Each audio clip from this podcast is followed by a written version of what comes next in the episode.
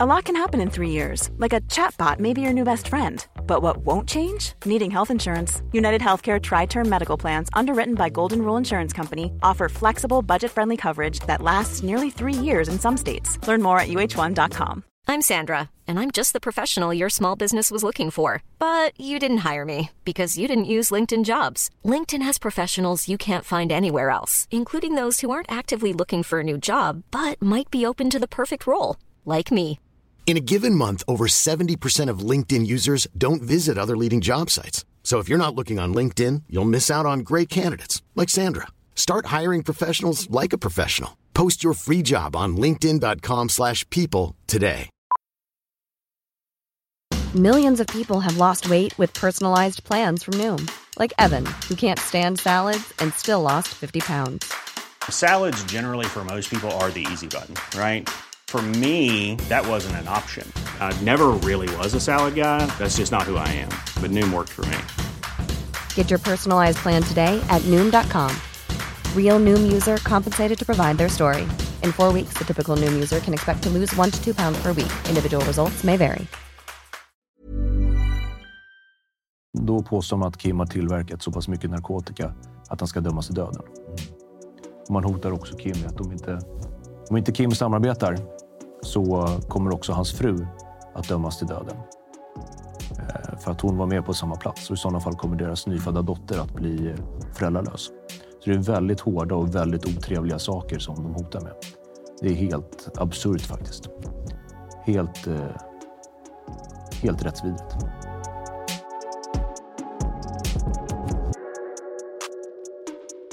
Hej på er och välkommen tillbaka till Dialogiskt. Mitt namn är Viktor och jag är som vanligt er host. Vi vill fortsätta med att säga att vi är tacksamma över att ni subscribar, delar men framförallt tipsar era nära och kära om vår fantastiska kanal. Som sagt, ni är en del av vår livlina. Återigen så gästas vi av Kim Berglund som dömdes till döden i Thailand men som idag är fri och tillbaka i Sverige. Och han har satt igång en rättsprocess mot den svenska staten. Och med sig har han advokat Sebastian Scheiman som eh, har en stor erfarenhet av att stämma den svenska staten. Välkomna! Tack. Hej på er! Jag tänker att jag börjar i, inte fel ände, men andra änden och, och riktar mig till dig eh, Sebastian. Eh, stor erfarenhet av att stämma svenska staten. Lite background. Eh, ja, staten företräds ju oftast av justitiekanslern när det är en statlig myndighet som har gjort någonting fel. Och då kan man antingen vända sig direkt till justitiekanslern med ett skadeståndsanspråk eller så kan man stämma staten och då kommer justitiekanslern fungera som statens advokat. Och jag har vid ett, ja, ska säga, ett stort antal tillfällen eh, och mina klienters vägnar varit tvungen att eh, vända mig mot staten inför då Stockholms tingsrätt på grund av att staten har överträtt fri och rättigheter som skyddas i regeringsformen eller Europakonventionen eller av en annan anledning. Svenska folket har ju, svenska medborgare kanske jag ska säga, har ju en stor tilltro till rättsväsendet och, och staten i övrigt. Är det här för dem, tror du, en skrämmande verklighet att eh, den svenska staten faktiskt gör fel? Många av mina klienter har också haft en stor tilltro till svenska myndigheter, till kommunen, till regionerna eller till de statliga myndigheterna. Och inte trott att de kan bli drabbade av det de faktiskt har blivit drabbade av. Så deras förtroende för staten är oftast rätt spolierat. Eh, tack och lov så är det ju inte alla svenska medborgare som är mina klienter. Men Nej. de klienterna jag har som jag har hjälpt mot staten, eh, de saknar förtroende för staten eller kommuner, landsting eller regioner som det heter nu för tiden. Eh, tyvärr, på grund av de övergrepp så att säga, som de har blivit utsatta för. Men det är långt ifrån alla. absolut. Utan På det stora hela så sköter sig myndigheter. Men när det har gått fel så ser jag ofta vad det är för något som har hänt. För det många som kommer till mig och frågar helt enkelt. Mm, ja, det var det som höll på, min, höll på att bli min följdfråga om det här händer väldigt, väldigt ofta. Eh, Det skulle jag säga att så är det tyvärr. Eh, Alla vet inte vad de har för rättigheter. Man känner inte heller till hur man ska hävda sina rättigheter, vad man ska göra ifall man blivit utsatt för någonting. Eh, Men det ska säga, går i vågor, lite från myndighet till myndighet, när det finns specifika saker som eh, de gör fel. När det finns nya lagar till exempel som de inte har riktigt har prövat än. Eh, Så. Välkommen. Tack. Kim, välkommen åter. Tack. Kul att se dig. Ser ut att må bra. Ja. Tiden ute nu eh, i frihet. Har du landat? ja, det tycker jag. Det flyttade jag hem till Sundsvall efter nästan över 20 år. Flyttade från Sundsvall när jag var ung Mm. och tycker att jag har hittat hem. Hittat lugnet där och har min dotter så mycket jag kan och Mm. eh, ja, ha ett lugnt och stillsamt liv. Stillsamt liv. Eh, att landa i friheten eh, så här, från att ha varit dömd till döden i Thailand och sen komma hem till Sverige. Finns det någonting, det kanske är en dum fråga, men, men, men finns det några men som är kvar i dig? Vaknar du upp på nätterna och tänker på och känner av det som har hänt? Eller är det liksom någonting som bara har passerat dig förbi? Tänker väldigt lite på Thailand. Det är bara när folk frågar. Och Jag tror jag lärde mig väldigt tidigt innan jag greps. Att bli, man måste skärma av. Det går inte att tänka, tänka på Sverige eller utsidan eller på, på familj eller så. Utan där och då i Thailand så måste man vara, leva för dagen och, och skärma av sig. Då gör man det i nästan nio år så, så lär, lär man sig att skärma av. Så jag är väl på gott och ont väldigt duktig och hantera mina känslor och, Mm. och inte blicka tillbaks.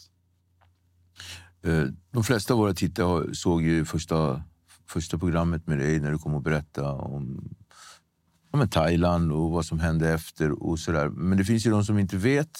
Skulle vi kunna ge oss tittarna en liten eh, recap på vem du är? Uh, varför hamnade du där? Eh, varför hamnade du här i första, första hand och så? Uh, ja. Nej, men jag hade en, en idyllisk barndom. Eh, spelade ishockey och i ett litet samhälle utanför Sundsvall. Och, men eh, hamnade väl tidigt på grund, kanske, kan jag se idag, av min ADHD eller eh, att jag, jag sök, sökte äventyr och kickar kanske som hockeyn inte kunde ge mig. Mm. Så jag började väl tidigt med var bråkig, var ute på stan och slogs. Eh, började med anabola steroider själv. Började som dörrvakt och, och kom in i kriminalitet den vägen. Eh, och kom in först i, i doping, dopingbranschen och det var så jag kom till Stockholm och började med dopingsmuggling. Eh, var väl en av de första att börja med. Det här var långt innan Darknet och bitcoin och, och allt sånt som började med internetförsäljning. Och eh, det var väl det som gjorde f- förmögen. Eh, tillverkning och smuggling av, av främst anabola och, och, och andra mediciner. Så, Du, du hade blivit dömd några gånger innan. Ja, just- två gånger innan. Innan jag flyttade till, till Thailand. Och när du flyttade till Thailand, varför flyttade du till Thailand? Jag flyttade till Thailand främst för att tvätta pengar. Det var, det var när byggboomen kom i, i Thailand. Alla svenskar ville köpa hus och, och så där. Så var det, Thailand var ett väldigt enkelt land att, att använda kontanter till by, byggandet och, och även ja, liksom, de, de tog ju varmt emot alla pengar som, som kom in i landet. Så det var anledningen till att jag flyttade till Thailand och för att distansera mig från, från kriminaliteten i Stockholm och konflikter och allt sånt. Så att jag hade ju min verksamhet som jag styrde via krypterade mejl. Idag har vi ju appar, krypterade appar. Då var det ju e-mail man använde. Så att det var, det var därför jag hamnade i Thailand. Och det var ju därför jag hamnade under, under Rikskriminalen och eh, amerikansk polis. Eh, vad säger man? Eh, deras översyn eller att de ville... På deras radar. Ja, deras radar. På grund av de här internetsidorna och på grund av dopingen. Så, så att det var inte svenska myndigheterna som typ tipsade amerikanska, utan de, de fick dig. Liksom, de, du, du dök upp inom Jo, deras jag, det, det var svensk, svensk Det var det. polis Mm. som, som kontaktade amerikansk polis. Amerikansk polis. Jag sålde ju ingen doping eller hade någonting med Amerika att göra överhuvudtaget.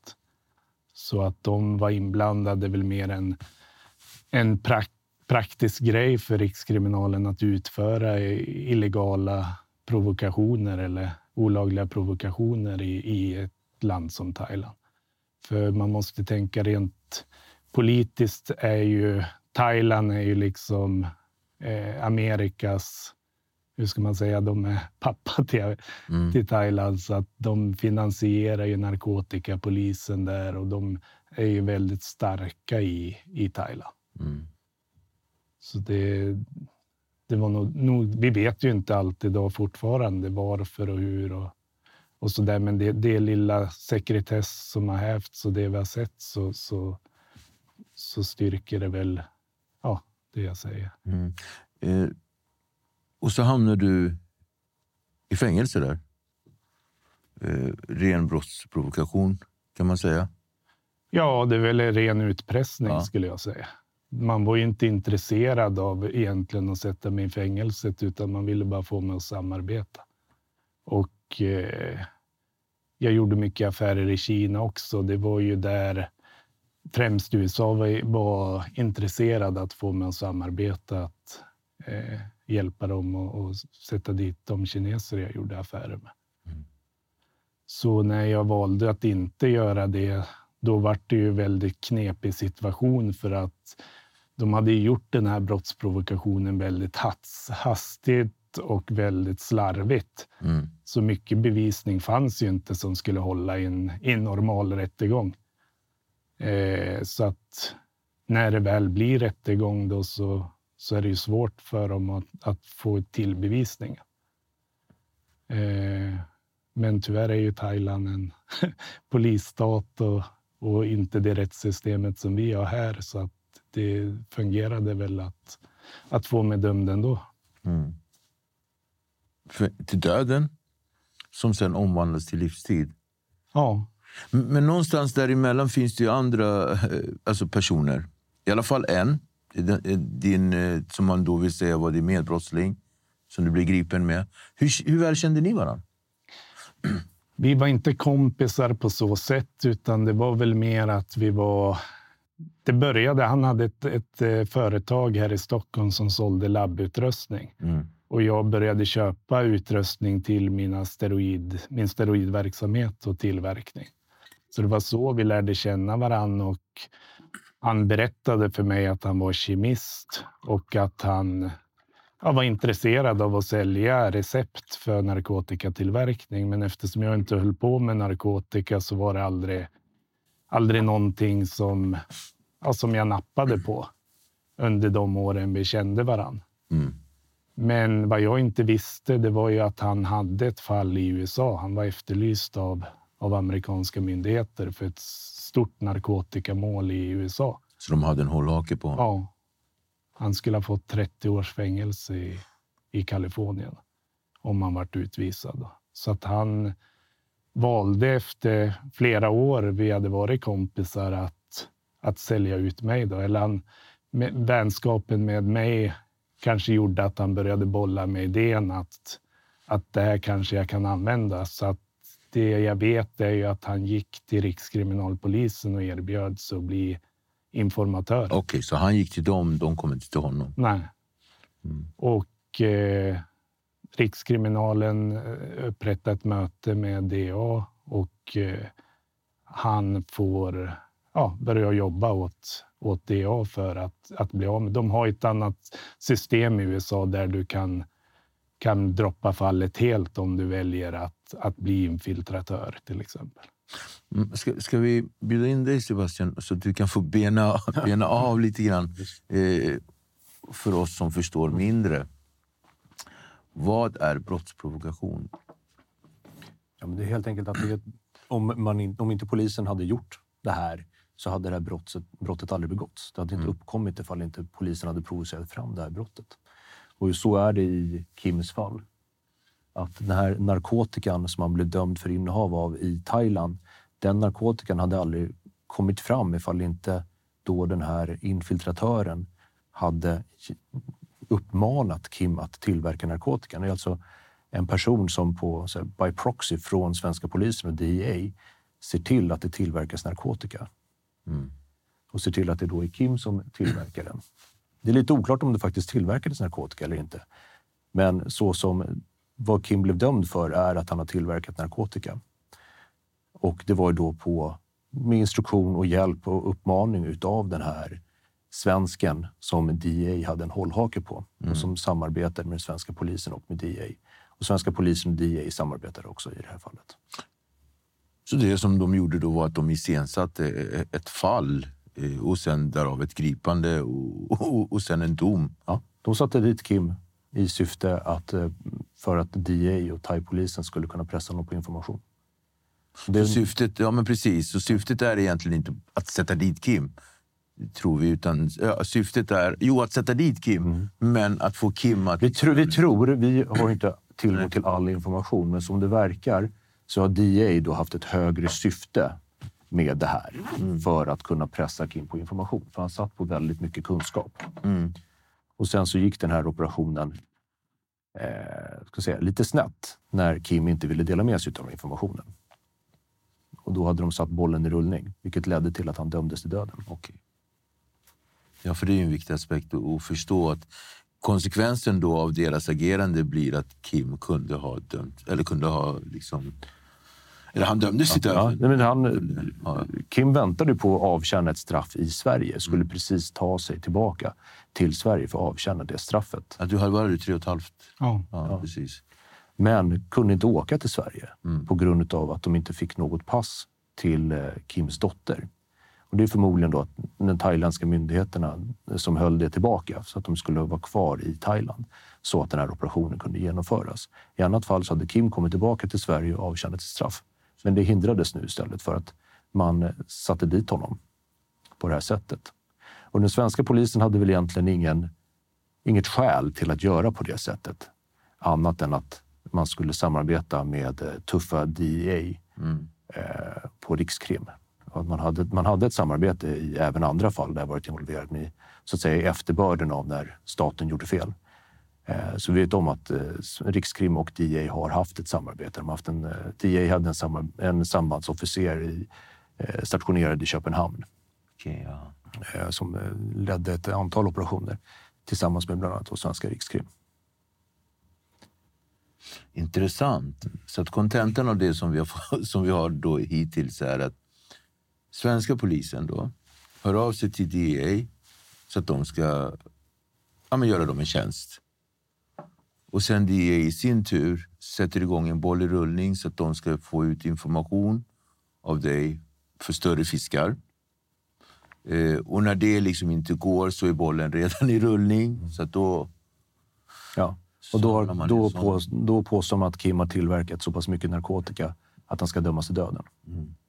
Och man hotar också Kim med att om inte, om inte Kim samarbetar så kommer också hans fru att dömas till döden. Eh, för att hon var med på samma plats och i sådana fall kommer deras nyfödda dotter att bli eh, föräldralös. Så det är väldigt hårda och väldigt otrevliga saker som de hotar med. Det är helt absurt faktiskt. Helt, eh, helt rättsvidrigt. Dialogis vill säga tack till våra stolta sponsorer. AFN, All Stars Fight Night. En organisation som främjar svensk fighting. Fordonsmäklarna. Bilhandlarna som erbjuder dig bra service och kvalitet på vägarna. Granby Storgård. Ett HVB-hem med familjekänsla. Advokatfirma Ola Tingvall. Ett tryggt försvar för alla. Kim, nu när du hör det här så har jag förstått att, att du har ju vetat om hela den här grejen. Upplägget, konspirationen, eh, länge. Men när du var i Thailand, när du satt i fängelse i Thailand, hade du klart för dig hela den här bilden? Var den klar för dig när du satt i, i din cell i Thailand? Nej, det dröjde ungefär nio månader in i mitt straff förrän jag lyckades få lös. Jag visste att min kompis hade samarbetat med polisen, att jag var ditsatt, men att just svensk polis var, var involverad och det fick jag veta ungefär nio månader in i mitt straff när jag fick ut en sekretessbelagd förundersökning som en åklagare valde på eget bevåg ge, ge till mina föräldrar. Just på grund av att han var nära pension och han ville väl inte ha det på sitt samvete. Han såg i den här nedlagda förundersökningen vad som hade skett och tänkte att det här måste komma domstolen i, i Thailand till handa. Så att han mm. i, istället för att som det normalt ska, ska det gå genom de diplomatiska kanalerna via justitiedepartementet, UD till Thailand mm. för att det ska erkännas i domstolen som bevisning.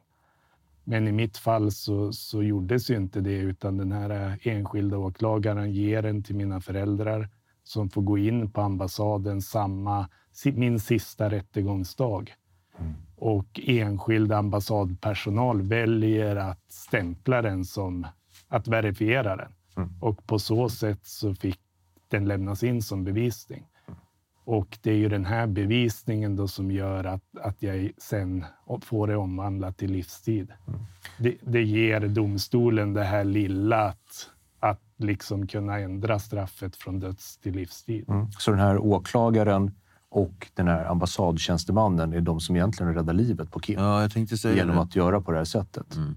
Så de försökte utreda, istället för när sakerna blev fel, mm med den här operationen och Kim dömdes till döden. Så istället för att svenska polisen och åklagarmyndigheten i den utsträckning de är involverade försöker rätta till det här och hjälpa Kim så försöker de dölja det istället. Eh, men den här åklagaren då ser vad det är för något som håller på att hända, skickar iväg det här till Kims mamma som kan lämna in det på svenska ambassaden och få då adekvata stämplar på papperna så att thailändska domstolen tar emot det och ser att det här är officiella dokument. Och det här är ju liksom ett halvt erkännande. Alltså det är typ... Ja, det, domstolen använder ju sin, sin motivering att sänka straffet. Att, att jag har lämnat in bevisning som har gjort doms, att domstolen kan förstå fallet. Mm.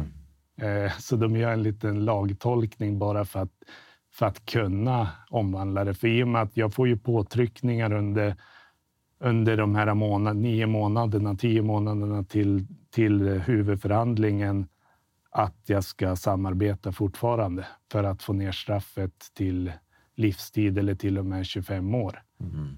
Och eh, eh, väljer att eller erkänna brott, vilket jag inte gör. Då, så att det ger inte utrymme för domstolen att ge mig något annat än dödsstraff. Mm. Tills det här kom dem till handa. Ja, och här ska man inte glömma bort att det var Kims familj som i största utsträckning agerade för att få fram information.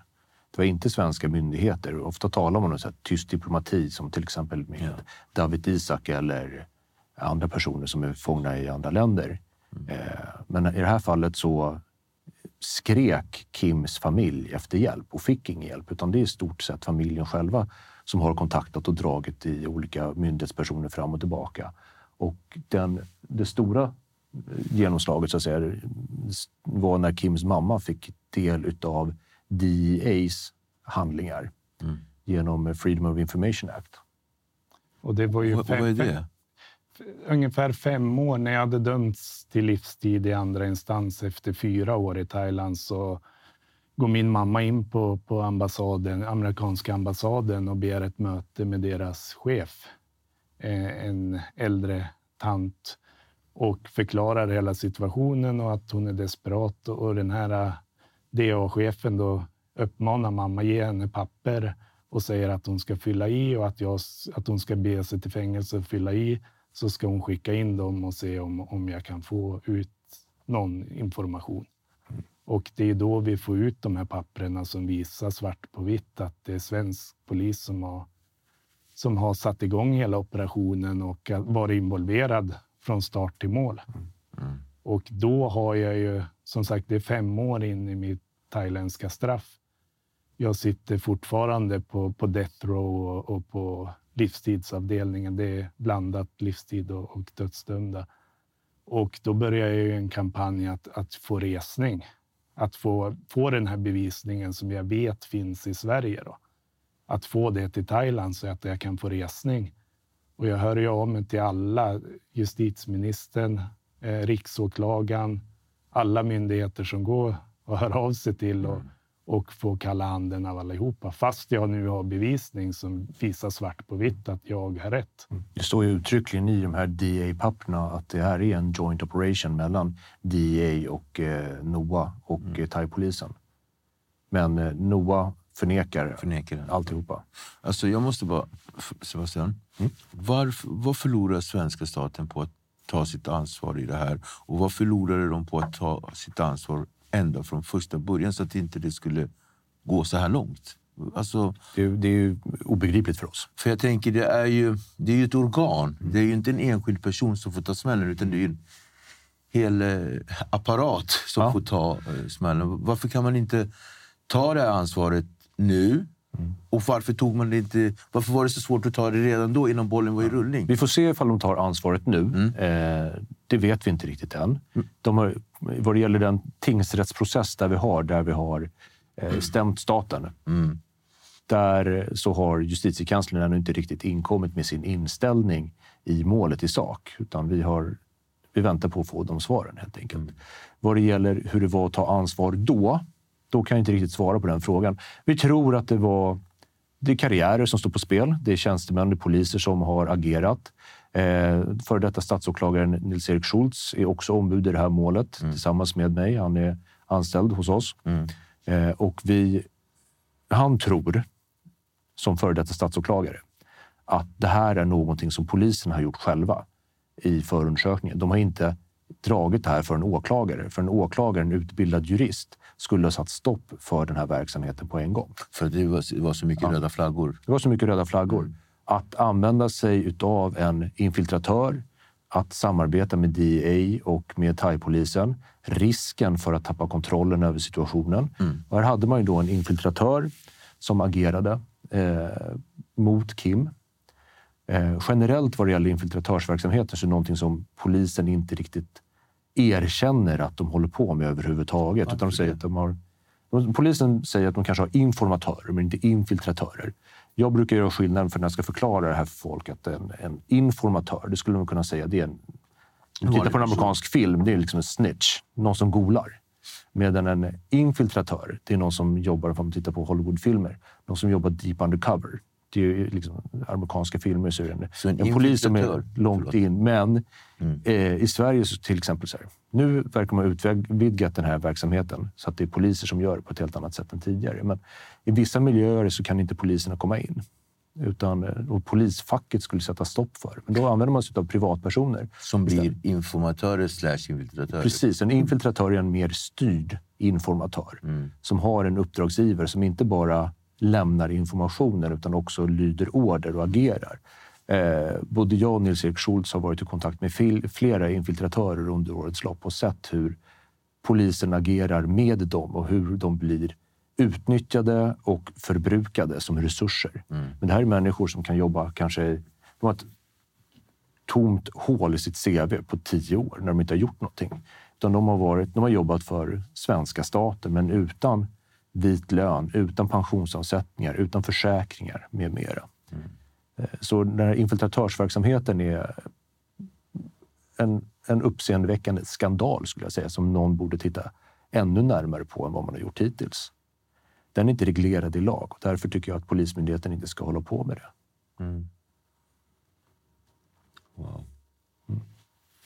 Så, för att svara på din fråga. När det här gick de, eh, när, när den här processen påbörjades med den här DA-operationen så var det väl poliser som försökte mörka att det gick fel på grund av deras egna karriärer. Och det är ju liksom, vi har ju nämnt DA, vi har nämnt NOA, eh, Utrikesdepartementet, Justitiedepartementet eh, även i det här fallet. Kim kontaktade alla. Ja, Åklagarmyndigheten. Så det är ju många eh, organ, eh, utländska, ja, men även också thailändska. Hur stor del har thailändska i, i det här? De det- känns lite grann som att de fick... Det, de fick massa- de, vart, de vart lurad eh, av, ba- förd bakom ljuset av, av det och svensk polis. För att de gjorde i princip bara gripandet. De trodde att att jag var en knarkkung och att jag gjorde det jag gjorde och planerade det. Så de fick det. typ grisen i säcken, eller kan man säga så? Ja, de, de ifrågasatt, de är inte i en position att ifrågasätta DAs information, utan de agerar på det. Utan det var ju flera, flera år in i straffet. Jag tror det var sex år in i straffet som jag började eh, skriva till eh, riksåklagaren i Thailand och, och börja en dialog där och visa bevisning och, och översätta allting vi hade fått ut i Sverige och USA till thailändska. Och de började utreda fallet och, och förstod att, att... Och det här blir ju en väldigt diplomatiskt känslig grej att, att, att Sverige exporterar brott till Thailand och sätter upp ett knark. För i praktiken är det ju att svensk amerikansk polis har satt upp ett knarklabb i Thailand och, och producerat knark eh, och använt Thailand som någon slags bödel för att bli av med sina egna medborgare. Och eh, det var väl inget som... Nu var, nu var det här så nära in på min... Vi har ju ett avtal med Thailand där eh, efter åtta år så kunde jag överföras eh, till Sverige och avtjäna min, mitt straff här. Så att eh, med, i dialogen där med riksåklagaren i Thailand så menade de på att de kunde ge mig resning där. Men det skulle i så fall ta flera år till att börja om från först. De skulle utreda, det skulle upp i deras tingsrätt, hovrätt och antagligen HD eftersom det var så stort fall. Och då skulle jag få sitta kanske sex, sju år till i, i Thailands fängelse i väntan på den processen. Viktor, får jag ta och din roll en liten sekund här och bara ställa en fråga till Kim? Absolut, absolut. Eh, så att eh, tittarna förstår. Varför... För du höll ju på med doping i Sverige du skulle avtjäna ett straff avseende doping. Eh, hur kommer det sig att DA var intresserad av dig? Det kan jag bara svara på gentemot vilka frågor jag fick när jag greps. Och det enda, enda de var intresserade var, var Kina. Eh, De, de ställde frågor snabbt vilka mina kumpaner i Sverige var och eh, att, jag skulle berätta, att jag skulle öppna min dator och e-mail. Eh, och det, det gav mig känslan av att, att svensk polis var startklar. Att, att skulle jag öppna datorn, skulle jag namnge så, så var... För skulle det ske gripanden i Sverige så måste ju det ske på minuten innan det kablas ut i hela Thailand att jag är gripen. Men efter de frågorna och att jag vägrade öppna datorn eller, eller samarbeta, då gick det av och var inte intresserad alls om doping eller Sverige, utan det var bara fokus på Kina. Så de ville ha dina kinesiska leverantörer? Ja. Och, och de kinesiska leverantörerna som, som de var intresserade av, har, nu, har det i efterhand nu blivit eh, konsekvenser för dem? Alltså har, har, de, har de fått tag i, i de som de sökte från början på andra, på andra håll? Eller, alltså, förstår du min fråga Nej. lite grann? Nej, det, det har de inte. Det är ju stor politik. Mm. Det, det fortgår väl fortfarande. Det är ju, kri- kriget mellan öst och väst är väl fortfarande... Det är inte krig i, i kulor och, och vapen, utan det är ju pira- piratkopiering. Ja. Precis som Patenter Sebastian nämnde, tyst diplomati, så är det också ett tyst kallt krig när det gäller just den här. Eh, Sebastian, hur landar allt det här i dig då? Eh, inte som privatperson kanske, men, Nej, men för- mer som, som yrkes, yrkesman och som jurist. Och, och så här, hur, hur, hur, Ja, jag hade ett annat ärende eh, mot justitiekanslern som också handlade om en person som hade blivit eh, eh, frihetsberövad och suttit eh, ett långt tag. Eh, och då fick jag höra att det fanns ett annat fall som var till och med värre än den. ja, än det fallet. Då- I det här fallet så var det en person som satt eh, häktad i fyra och ett halvt år för att sen frikännas. Och då fick jag höra att det fanns ett annat fall som var ännu värre och jag skulle få reda på det senare. Jag undrade förstås vad det var för någonting. Nu har jag förstått att det var Kims fall. Eh, Kim ansökte om stämning själv mot staten, mot justitiekanslern. När han var ute på permis så var han på muntlig förberedelse vid, eh, eh, vid Stockholms tingsrätt. Eh, Det var, justitiekanslern var representerad av tre stycken eh, ja, personer där som arbetar på justitiekanslern. Och, eh, Nils-Erik Nils Erik Schultz, då, för detta statsåklagaren, han eh, satt med som åhörare. Jag hade haft viss kommunikation med dig tror jag, sedan tidigare. Och eh, efter det, efter den muntliga förberedelsen, så fick Kim då eh, jag ska säga, vissa förelägganden. Alltså han var tvungen att komplettera sin ansökan om stämning med vissa saker. Eh, och då kontaktade Kim mig för att han ville ha eh, advokathjälp och förstod att det här kanske blev lite för juridiskt och lite för Omfattande. ja, lite kom, komplicerat juridiskt språk helt enkelt för att kunna driva den här processen. Då kontaktade Kim mig och jag besökte honom i fängelset och när han fortfarande avtjänade sitt straff. Eh, och på den vägen är det. Och det här är, skulle jag säga, en av de värsta rättsskandalerna i, i svensk rättshistoria. Hur svensk polis agerar för att eller, inte kanske för att få honom dömd till döden, men, men med risk för att få honom dö, dömd till döden i ett annat land. Vi har inte dödsstraff i Sverige av en anledning. Vi ska inte, svensk polis ska inte verka för att få svenska medborgare dömda till döden utomlands. Det är helt galet. Två frågor. Ett av, ett av dem är så här. eh, Kan du bena ut eh, skillnaden på förlåt, eh, resning och stämning? Så att liksom Ja, en stämningsansökan, då, då ansöker man om stämning vid en tingsrätt för att eh, och sen så är det då tingsrätten som utfärdar stämningen. Det är att du har ett krav, du vill någonting. Eh, Det här är inte någonting som eh, ni, du och din motpart kan utagera mot varandra utan det behövs en tredje oberoende part, en domstol, som hanterar det här. Och sen så har man då en tvist inför domstolen. I det här fallet så har Kim då ansökt om stämning mot justitiekanslern vid Stockholms tingsrätt.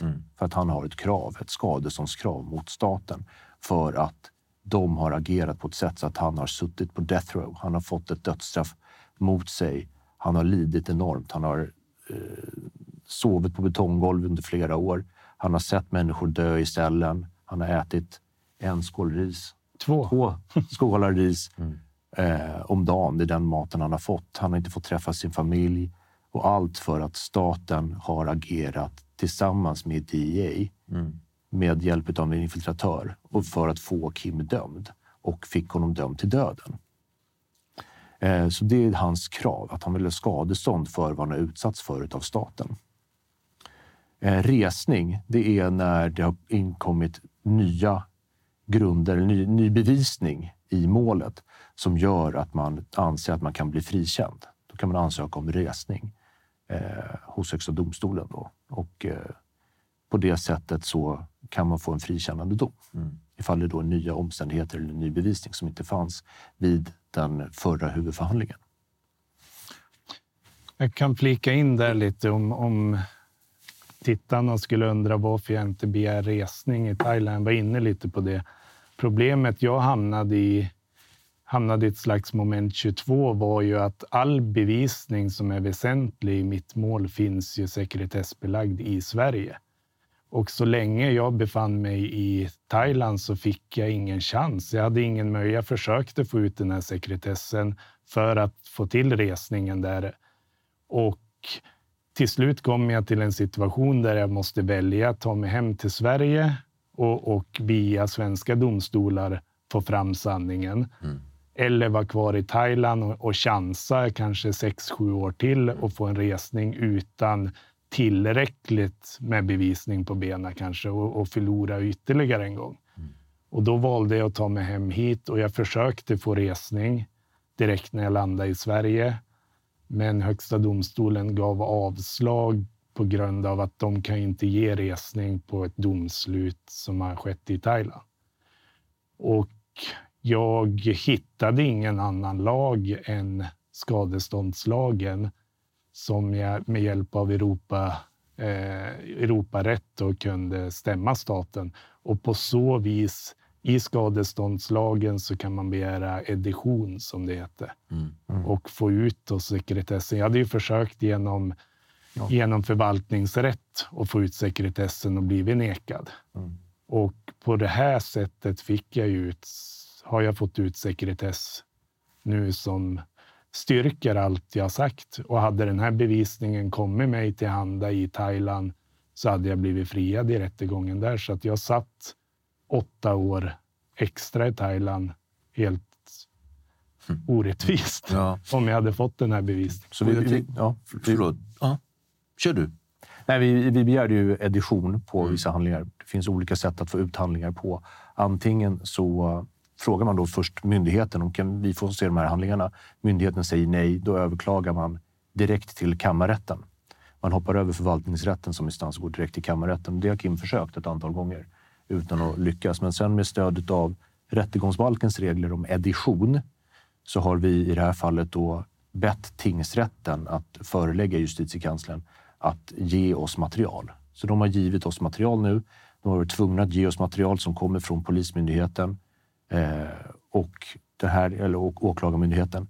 Och den här informationen har vi fått ett sekretessförbehåll om, så vi får inte dela med oss av den informationen. Nej.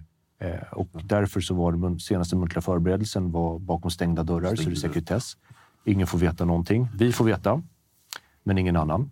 Justitiekanslern, polisen, domstolen och vi vet vad som står i de här handlinga- handlingarna, så vi kan inte säga vad som står. Men det jag kan säga är att vad som står i de handlingarna styrker, eller stärker i varje fall, får se att domstolen tycker att det styrker, men det stärker det som Kim påstår. Mm. Eh, Och hade han fått veta det här tidigare så hade det påverkat straffet. Mm. Och jag tänker så här... Min, min andra fråga var också så här... Så här eh, tror du att man valde att göra en sån här brottsprovokation och försätta Kim i, ett sånt här läge, dödligt läge, och, och så här, om han inte hade varit en brottsling som redan hade blivit straffad och så vidare? Skulle man... Alltså förstår ni vad jag menar? Att man vågar ta en sån här risk?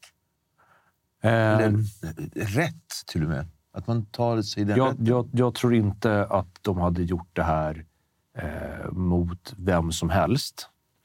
Eh, de skulle inte ha gjort det mot Kim heller. Men i det här fallet gjorde de det. Jag, eh, jag tror att svensk polis var rätt sura på Kim överhuvudtaget. Känns det som att Kim hade kommit undan ganska mycket? Eller? Eh, du var väl ingen duvunge? Nej, okej. Eh, så de, de såg väl en chans att få möjlighet att sätta dit honom. Mm. Eh, helt enkelt. Men att riskera att han skulle få dödsstraff, det är helt ofattbart att svensk polis ägnar sig åt sådana saker. Om man bortser från mig som person, om man ska se rätt, rätt liksom krasst på det, så, så är ju inte vi bättre än en polisstat. Och om polisen utan insyn eller översyn får välja vilka medborgare man ska likvidera eller inte. Eller kasta i fängelset. Eller göra aktioner mot. Det är helt, Det är väl helt det allt-. Ja, det är egentligen det allting handlar om i ett större perspektiv än, än mig. Att sånt kan vi inte tillåta. Det har varit ett omfattande arbete för, för er. Mm. Det är framförallt Kim. Mm. Han har gjort ett enormt arbete själv. Helt otroligt. Det är hur mycket dokumentation som helst. Eh, Och han, och hans familj har hört av sig till alla möjliga myndigheter och försökt få hjälp. Och de har fått kalla handen hela tiden. Mm, Jag tänkte fråga dig, hur mycket har de myndigheterna hjälpt till? Men ja, de har fått kalla handen. Ingenting. Nej. Snarare så är det så att Polismyndigheten har ju tystat ner det hela genom att sekretessbelägga informationen.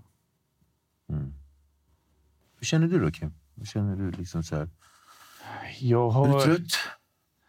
Nej, det, det kan jag inte säga att jag. Jag fick väl ny, ny luft i och med att eh, jag kom ut och, och jag fick till stämningen till slut. Jag har ju liksom krigat att, att bara komma in i en domstol eller få ut nya papper. Mm. Men nu, om vi säger så här, jag tänker inte så mycket på att vinna själva liksom skadeståndet eller pengarna. För mig är ju upprättelsen och sanningen lika viktig. Mm. Att, eh, att det ska komma fram och vad som har skett. Och det arbetet tycker jag att jag är i princip klar med.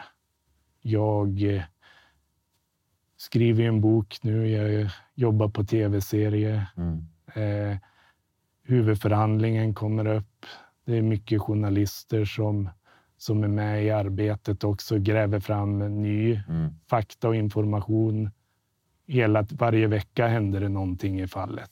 Nya personer som dyker upp och, och berättar nya saker. Så att jag känner att, att det, det tåget till upprättelse, det Mm. tuffar väldigt snabbt nu.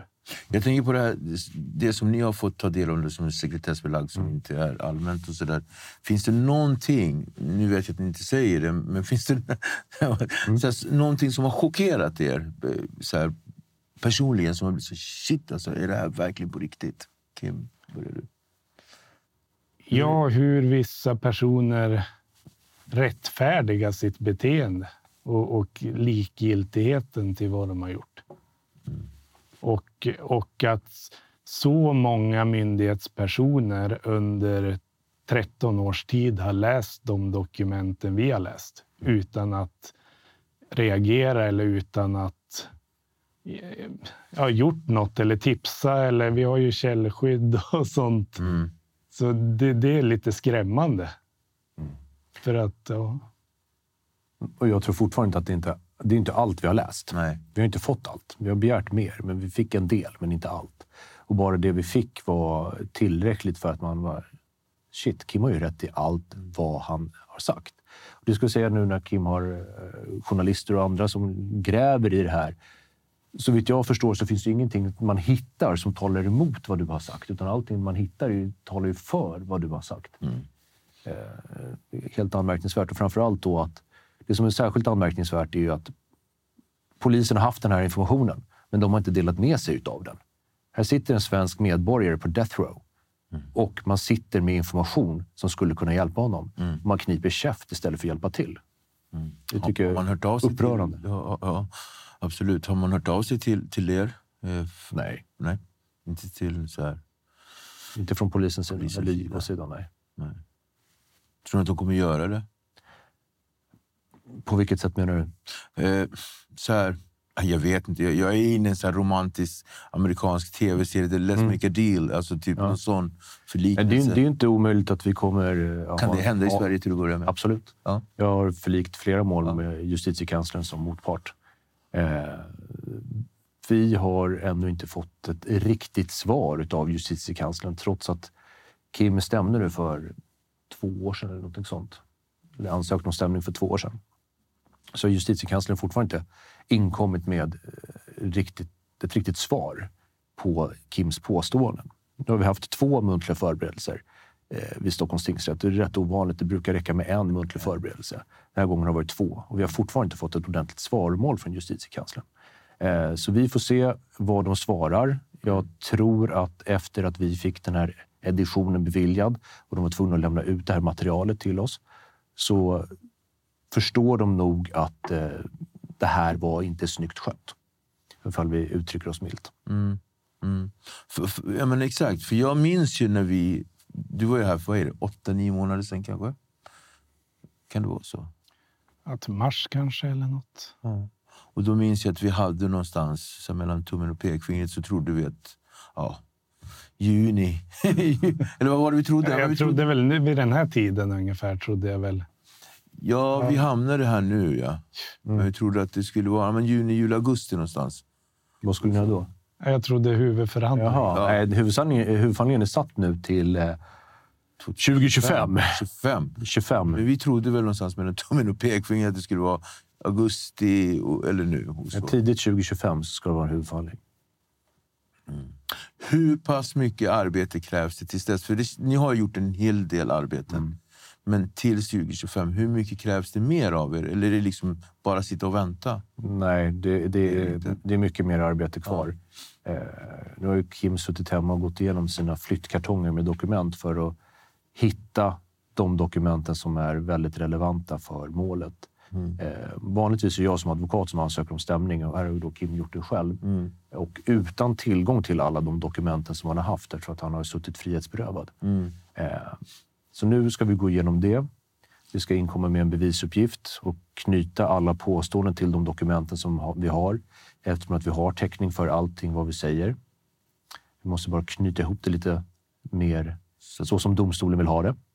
Eh, och sen väntar vi på att JK framförallt ska inkomma med sitt svaromål. Eller de har inkommit med ett formellt svaromål, men vi vill se lite mer vad de säger i saken. Men det är mycket arbete kvar. Sen så har vi ju vittnen som vi ska prata med och sådana saker. Familjemedlemmar som blir inblandade i allting också. Hur mycket sår rivs det upp för dem? Det är jobbigare för dem än för mig.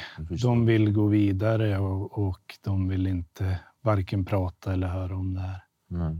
Det river nog upp. Så det är så återkommande. Ja. De är ju bara glada, eller bara glada, de är väl huvudsakligen glada över att du är hemma igen Jo, och du lever. jo.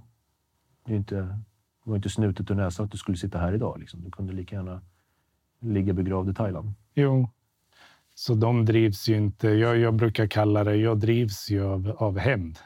Det, var, jag, jag kan, det här är ju liksom en fin form av hämnd, att, att få upprättelse och rättvisa och, och hänga ut dem som, som har gjort det här mot mig.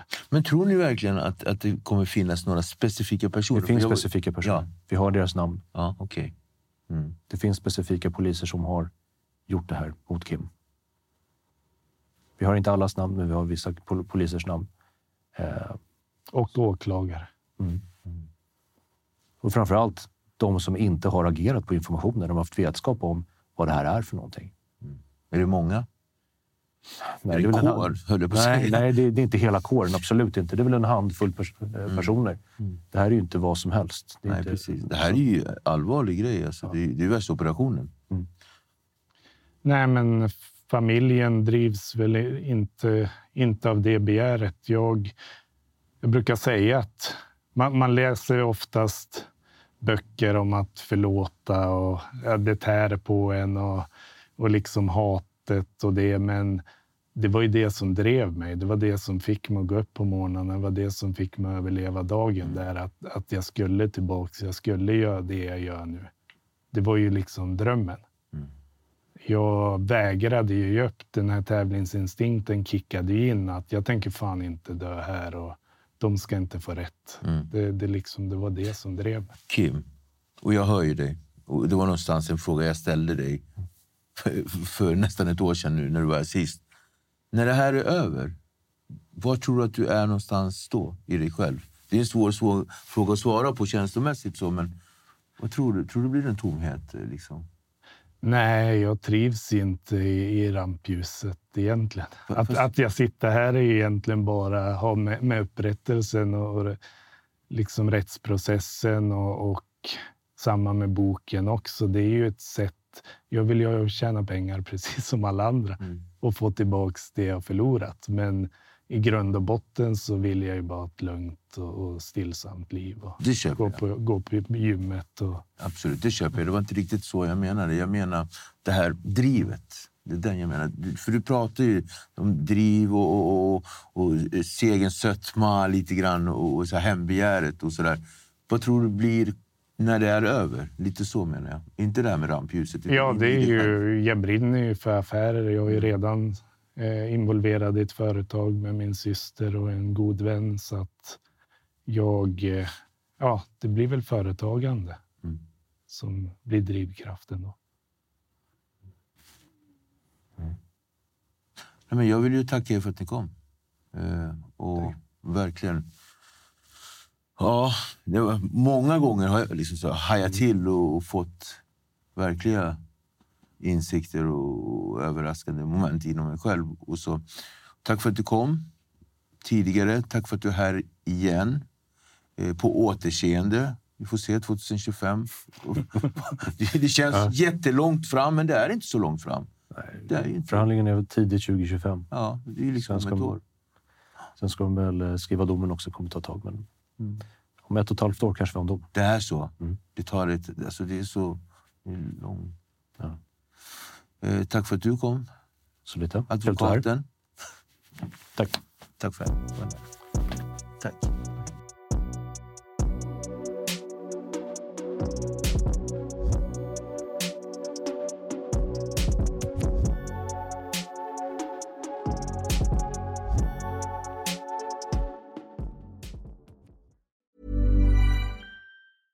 Hey, it's Danny Pellegrino from Everything Iconic.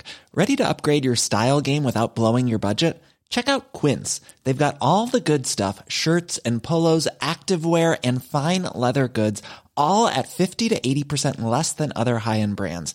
And the best part? They're all about safe, ethical, and responsible manufacturing. Get that luxury vibe without the luxury price tag. Hit up quince.com slash upgrade for free shipping and 365 day returns on your next order. That's quince.com slash upgrade.